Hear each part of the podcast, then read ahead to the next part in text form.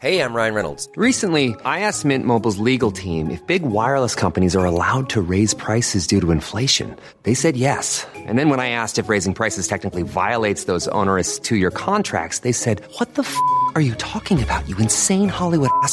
F- So to recap, we're cutting the price of Mint Unlimited from $30 a month to just $15 a month. Give it a try at mintmobile.com slash switch. $45 upfront for three months plus taxes and fees. Promo rate for new customers for limited time. Unlimited more than 40 gigabytes per month. Slows. Full terms at mintmobile.com. I tidligere episoder har jeg påstått at selvkritikk er et fenomen med alvorlige konsekvenser for vår psykiske helse. Jeg har kobla selvkritikk til oppvekstvilkår, omgang med kritiske og trakasserende mennesker, sosialt press og kulturelle standarder som hele tiden viser oss hvordan alt burde vært, men ikke er. Vi havner til slutt i en strevsom og anstrengende selvkritisk spagat som drenerer livet for glede, hvile og kreativitet. Man kan være uenig i dette og påstå at selvkritikk er selve motoren i personlig utvikling. Uten en indre kritiker blir vi late og middelmodige. Kan ikke selvkritikk egentlig fungere som en viktig motivator? Svaret er nok både ja og nei, men det er viktig å poengtere at ubønnhørlig selvkritikk som regel har flere destruktive konsekvenser enn positive. Jeg kan gå med på at en viss grad av selvkritikk er viktig, men det kommer altså an på takt og tone i måten du kritiserer deg selv på. Ofte leverer vi kritikk av oss selv på en spydig og nedlatende måte, og den typen selvsnakk er ikke spesielt oppbyggende. La oss si at du kommer for sent til en avtale. Kanskje sier man til seg selv at eh, dette er typisk meg, jeg er så utrolig dum, jeg får faen meg ikke til noe som helst, ikke engang å stille opp på riktig tidspunkt. Denne typen beskjeder til seg selv er både sårende og nærmest fiendtlig formulert. Det kan hende at denne formen for selvkritikk motiverer deg til å sette på en alarm før neste møte, slik at du sørger for å komme på tida neste gang, men denne typen motivasjon har sine absolutte omkostninger. Å motiveres av negativt selvsnakk baserer seg dypest sett på frykt. Vi forsøker å skjerpe oss fordi vår indre kritiker påfører oss følelsesmessig smerte, og denne smerten vil vi helst unngå. Frykt er motiverende, men også beheftet med en del andre konsekvenser. For det første er mye frykt noe som gjør oss eh, tiltagende urolige, nervøse og stressa. La oss si at du er skuespiller og skal ut på scenen. Desto mer du frykter fordømmelse og kritikk fra publikum, desto mindre kapasitet har du til å fokusere på jobben du skal gjøre. Egentlig spiller det ingen rolle om det er publikum i salen eller din egen indre kritiker du frykter. Prestasjonene dine vil uansett lide under denne typen prestasjonsangst. Med en streng indre kritiker, som gjerne kommenterer alle små og store feiltrinn, ender du opp med en slags sceneskrekk i selve livet, noe som er vanskelig å leve med. I denne sammenhengen kan det også forekomme at man gjør en dårligere jobb med vilje, rett og slett fordi man i etterkant kan forsvare seg mot kritikken ved å påpeke at denne prestasjonen på ingen måte var en korrekt refleksjon av vårt egentlige potensial. Her gir man seg selv et slags handikap med vilje for å klare å leve med kritikken i etterkant, og altså dempe kritikkens tyngde med vissheten om at man ikke gjorde sitt beste. I tillegg kan man se at eh, strenge kritiske stemmer fører til prokrastinering. For å unngå selvkritikk kan man rett og slett unngå å gjennomføre ulike prosjekter for å slippe kritikken. Det kan også hende man unngår en rekke andre ting, som å ta eksamen i frykt for en dårlig karakter eller kritiske tilbakemeldinger på det man leverer. Kort sagt oppveier ikke den motiverende gevinsten ved selvkritikk de negative konsekvensene. I dagens episode skal jeg snakke mer om kritikk, men ikke bare selvkritikk. Jeg skal snakke om mennesker som er kronisk kritiske til både seg selv og andre, de som jobber som kritikere, enten de anmelder filmer, litteratur eller kunst, og hvordan kritikk kan være viktig for å starte en samtale, undersøke dybden i et bestemt fenomen, og ikke minst hvordan vi forstår forskjellen på det som kalles konstruktiv kritikk og den mer destruktive sorten. Og hvis du, hvis du tenker at eh, jeg vil ikke si noe, for det jeg sier er sikkert feil, så stemmer det. For alt vi tenker og føler er feil, så dermed så, så, så kan man umulig si noe riktig. Så det, er, så det er en vanlig lagt død. Men det gjelder også, så vi kan heller ikke si noe riktig om dette her. Så da sier så det er bare, Alt vi tenker og føler er feil. Så det, det er eh, utgangspunktet. Det er bare å begynne å si feil ting. Jeg har lest litt sånn rundt forbi i ulike bøker når det gjelder akkurat denne tematikken. Og overskriften var 'Kritikk og kritiske personer'. Og det kommer litt skal jeg si, enten ubeleilig eller beleilig på meg akkurat nå, for jeg føler jeg akkurat ble utsatt for veldig kraftig kritikk og ikke reagerte sånn spesielt konstruktivt. Så da er det kanskje eh, på sin plass å, å undersøke det. Kritikk og kritiske personer, og det å motta kritikk og det å gi kritikk eh, så Man kan liksom begynne helt ute i hva er en kritiker, sånn generelt sett. Altså Kritikk det er noe som eh, foregår i uh, ukebladene og i dagspressen i form av terningkast hele tiden. Så alt uh, som gjøres av forfatter eller musikere osv., det blir utsatt for en bedømmelse, en, en dom, i, i, en avis. På sett og vis så er nok det en egentlig ganske viktig jobb, det man gjør der sånn. Men det kommer litt an på hvor det kommer fra. Så jeg mener vel at en en god kritiker bør være en person som virkelig har eh, innsikt i det området som man uttaler seg om. Da. Og så sies det av og til at en kritiker sin jobb er å starte en samtale. Det er å, å undersøke ting, ta det litt fra hverandre, se litt mer ned i nyansene. Så på sett og vis så er jo en kritiker av musikk kanskje det samme som en psykoterapeut. Og de som går i gruppeterapi, de er jo alle psykoterapeuter, fordi de prøver å undersøke hverandre. De prøver å oppleve hverandre på ulike måter og si noe om den opplevelsen. Og Det er litt det jeg tror en kritiker gjør i forhold til en ny plate. Så prøver vedkommende å si noe om, om uh, musikken, men da ikke bare ikke utelukkende basert på subjektive opplevelser av den musikken, men også basert på en viss kunnskap om uh, musikk. Problemet i dag føler jeg kanskje er at alle har umiddelbare reaksjoner på det som foregår eh, rundt oss, og alle har en eller annen plattform hvor de kan trille terninger i et eller annet sosialt medie, si den var dårlig, den var bra. Så at det, er vanskelig å orientere seg hva som egentlig er en kritikk vi kan eh, lytte til, hva som åpner en samtale som kanskje kan skape en større dybde i musikk eller et eh, litterært verk osv. Så, hvis vi ser på kritikk da, som en måte å starte en samtale på, Eh, og at det også gjelder i psykoterapi.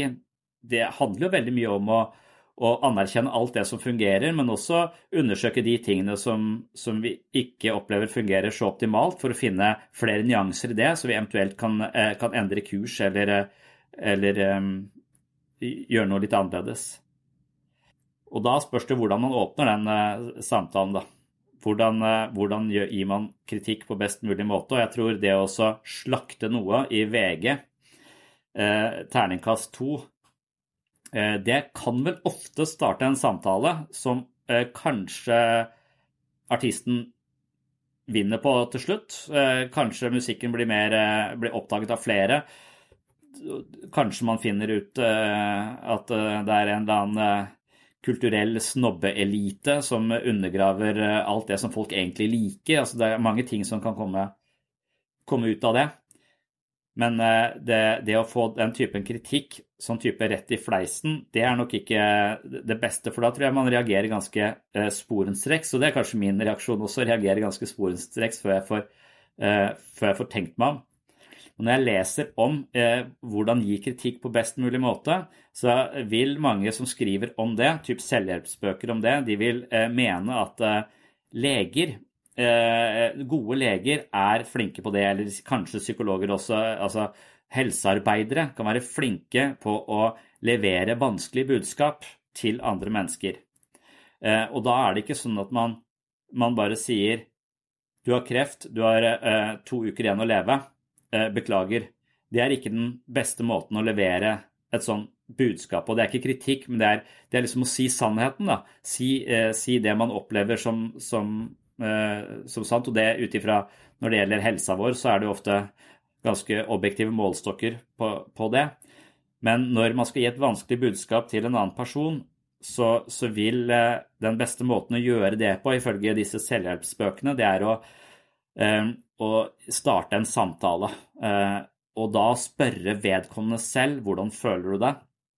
Jeg føler jeg har ganske vondt i, i, brystet, at det er vanskelig å puste. Ja, det kan jeg forstå ut ifra det jeg også ser her. Det er ganske forståelig at du har uh, vondt i brystet. Vi kan se på disse bildene. Og så starter man en samtale hvor, hvor pasienten selv uh, lufter sine egne bekymringer og sine egne teorier på, på hva, som, uh, hva, som, er galt. Og så vil legen langsomt bekrefte eller avkrefte de, de tingene. Og så vil, vil den som er syk, på en eller annen måte eie informasjonen. Der informasjonen kom fra vedkommende, og det er mye lettere å integrere enn hvis man får det rett i, rett i trynet.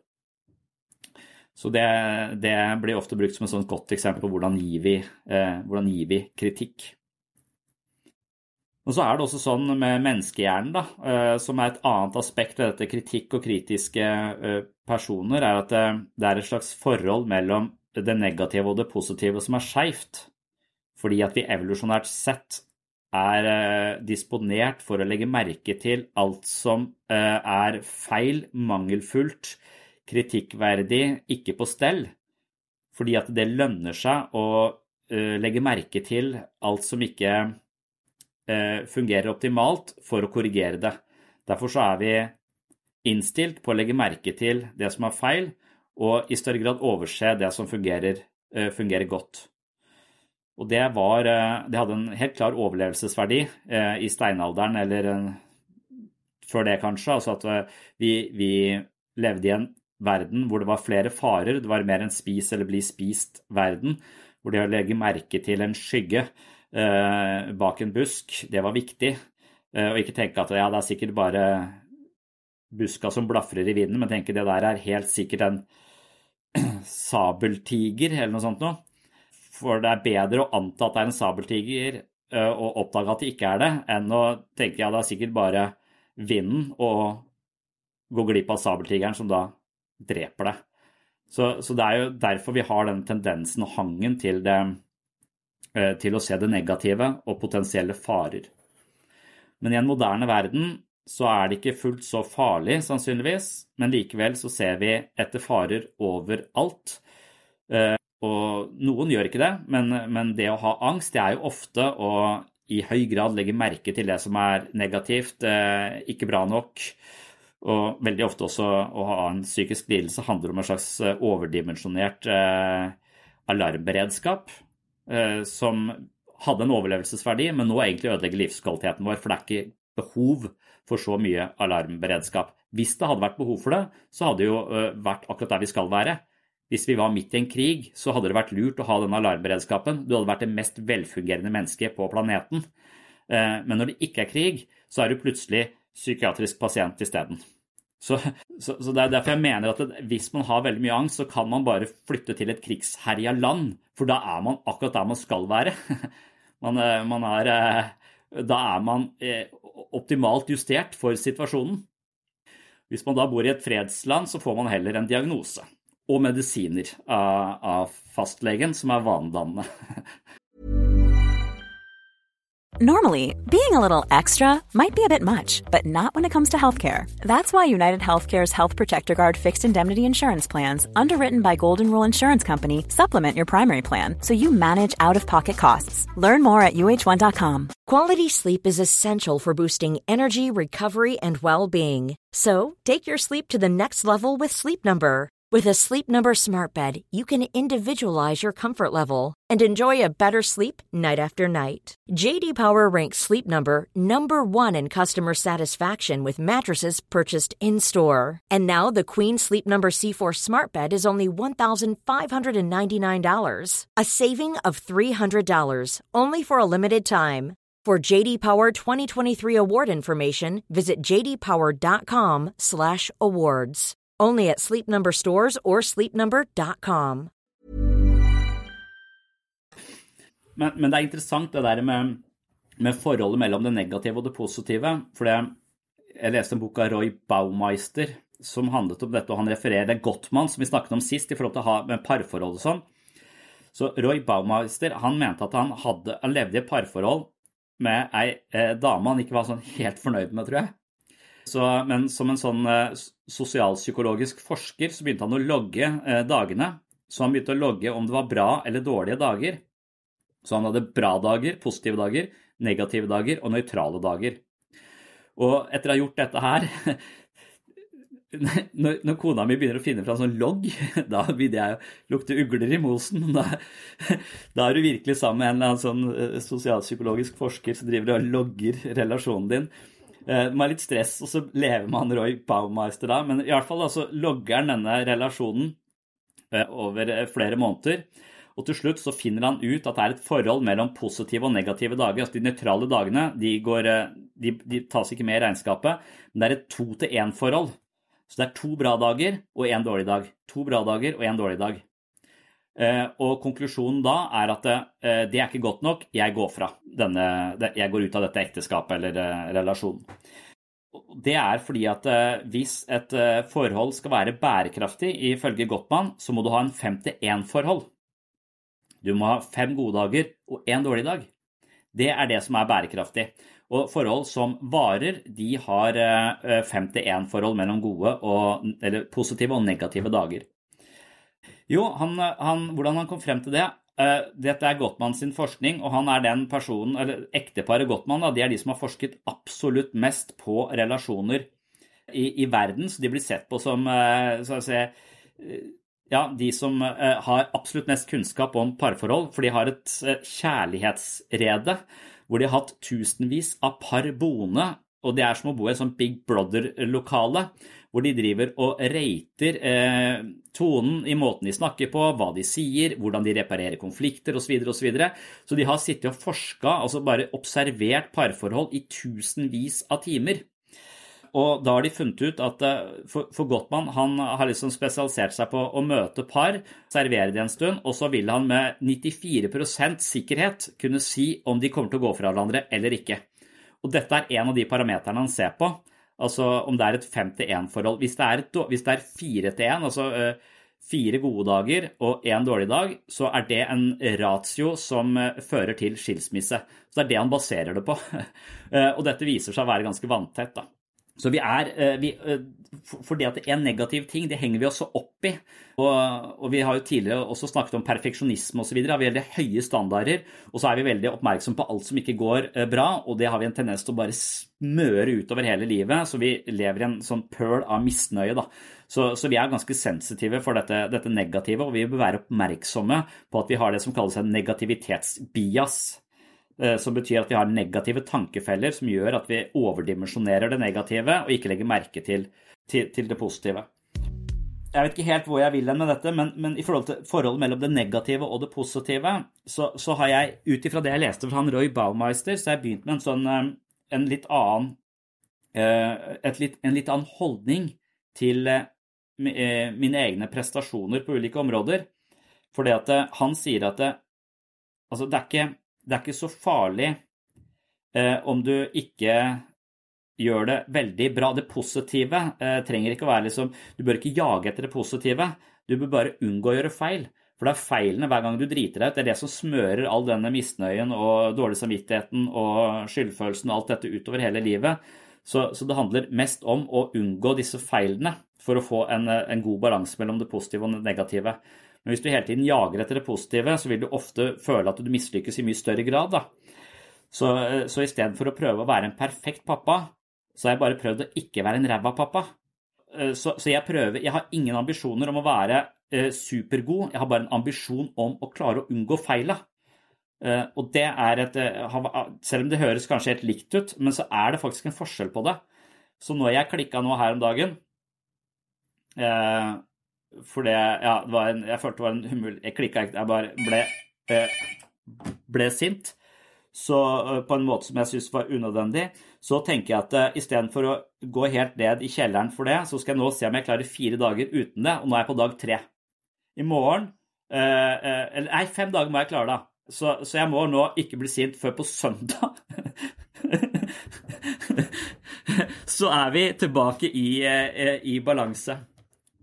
Men, men, det er et eller annet med det å egentlig være ganske fornøyd med eh, bare å altså Jeg blir jo en bedre pappa hvis ikke jeg har så høye standarder. For hver gang jeg har de høye standardene, som er basert på 250 selvhjelpsbøker på hvordan være en god pappa, som ligger strødd rundt i huset vårt, som ikke jeg har kjøpt eh, Altså, Jeg har så mange målestokker, så uansett hvordan jeg er, så vil jeg ikke leve opp til alle disse målestokkene. Noe som er en forferdelig eh, dårlig strategi, egentlig. Så selvhjelpsbøker kan kanskje gi deg tips i ny og ne, men for mange av de kan jo totalt trykke deg ned. Altså, du har jo ikke kjangs til å leve opp de, de tingene der sånn. Så da, da, er eh, ambisjonsnivået mitt gått ganske kraftig ned fra å være den superpappaen jeg så for meg før jeg fikk barn, til å være en helt sånn middelmodig pappa som gjør litt lite feil. Og Dette er også basert på en forskning som viser at det, hvis du behandler barn dårlig, med, med lite omsorg, så vil de få det vanskelig senere i livet. Men hvis du behandler de superbra med masse omsorg og masse oppmerksomhet, er støtten i alle sånne ting, så blir de ikke nødvendigvis så veldig lykkelige og øh, suksessrike likevel. De har ikke så mye å si. Det har bare noe å si at du ikke gjør så mange feil. Så kan du være ganske middelmodig ellers, og så kan du få et ganske godt eh, resultat. Så det å være innmari god, det spiller ikke så stor rolle i det lange løp, men det å være jævlig dårlig, det spiller en stor rolle. Så middelmodig er, er, er helt topp. Eh, så, så, det er det jeg fikk med meg fra, fra boka om uh, The Power of Bad av uh, Roy Baumeister. Dette var en av de korte bonusepisodene her på Sinnsyn. Målet mitt her er å servere noen tanker og lettbeinte poeng som du kan ta med deg inn i de neste dagene, gjerne i påvente av en ny fullverdig episode som kommer ut på mandag. Det du hørte her i dag er hentet som et lite utdrag fra mitt mentale treningsstudio. På Sinnsyns mentale treningsstudio finner du hundrevis av eksklusive episoder, videoforedrag, kurs og mentale øvelser fra sinnssyn. Som medlem på mitt mentale treningsstudio inviterer jeg deg på en reise langt inn i sjelslivets ubevisste avkroker. Gjennom trening kan vi styrke kroppen, men det finnes også mentale treningsformer som styrker psyken. Oppdag nye sider ved deg selv og andre mennesker med å laste ned Sinnsyn-appen og få et mentalt helsestudio rett i lomma. Appen kan brukes både med og uten abonnement, så den er gratis å laste ned. Sjekk den ut. Og hvis du vil eh, gå dypere ned i vårt psykologiske liv, lære deg meditasjon, yoga, teknikker for bedre søvn og investere i et eh, fysisk styrketreningsprogram i tillegg til mental vektløfting, kan du altså tegne et abonnement på Det mentale treningsstudio. Jeg vil påstå at det kan være en verdifull investering for din egen del, og samtidig vil et abonnement gi Sinnsyn verdifull støtte og muliggjøre produksjonen av denne podkasten. Det er på grunn av medlemmer av Sinnsyn at denne podkasten lever og oppdateres hver uke. Tusen hjertelig takk til dere som allerede er medlemmer. Det er lyttere som dere som holder hjulene i gang her på Sinnsyn. Så hvis du vil høre denne episoden i sin fulle lengde, som gjerne ligger på rundt en time, så kan du laste ned Sinnsyn-appen eller gå inn på patron.com for segs sinnssyn. Du kan tegne et abonnement både via Patron eller via Sinnsyn-appen. Dette er imidlertid to forskjellige plattformer, så du må velge én av dem. Begge deler gir deg tilgang til mitt mentale treningsstudio. For å lokalisere episoden du har hørt litt av her i dag, så må du gå til premiummaterialet på Sinnsyns mentale treningsstudio og søke opp overskriften på denne episoden. Takk for følget, og på gjenhør i appen eller på Patron. Ha en fin dag, eller en fin natt. Oh, oh, I'm just losing my mind, that's all.